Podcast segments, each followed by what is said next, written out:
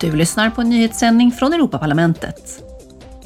Imorgon röstar transportutskottet om en överenskommelse mellan EU, Ukraina och Moldavien som ska förenkla vägtransporter av varor över gränserna.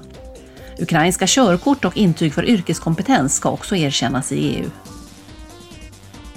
Utskottet röstar även om att uppdatera EUs regler om intelligenta transportsystem, ITS, för att förbättra digitaliseringen på transportområdet. Dessa system använder informations och kommunikationsteknik, till exempel reseplanerare, för att göra resandet säkrare, effektivare och bekvämare. Fram till på söndag håller Europaparlamentet sin tredje europeiska jämställdhetsvecka. I samband med det håller utrikesutskottet en utfrågning idag om Afghanistan och de regionala effekterna av talibanernas maktövertagande.